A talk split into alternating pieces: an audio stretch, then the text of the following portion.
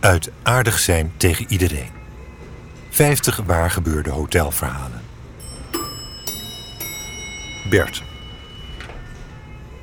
Het verschil tussen een wit gestreken servet en een microvezeldoekje is groter dan je denkt. Loop ik met een microvezeldoekje, spreken mensen mij aan met buddy of mate.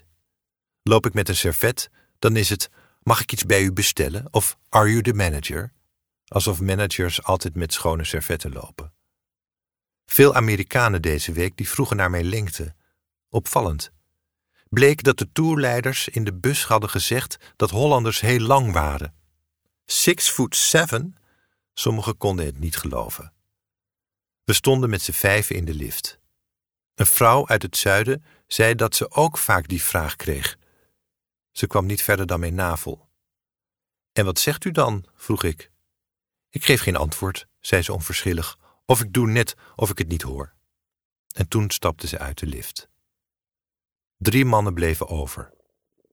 Ze waren een beetje grieperig aangekomen en hadden een lange reis achter de rug. Of er ook kippensoep was. De vrouwen bleven op bed, de mannen dwaalden door het hotel. Ik had ze al eerder gezien. Je trof ze op de vreemdste plekken.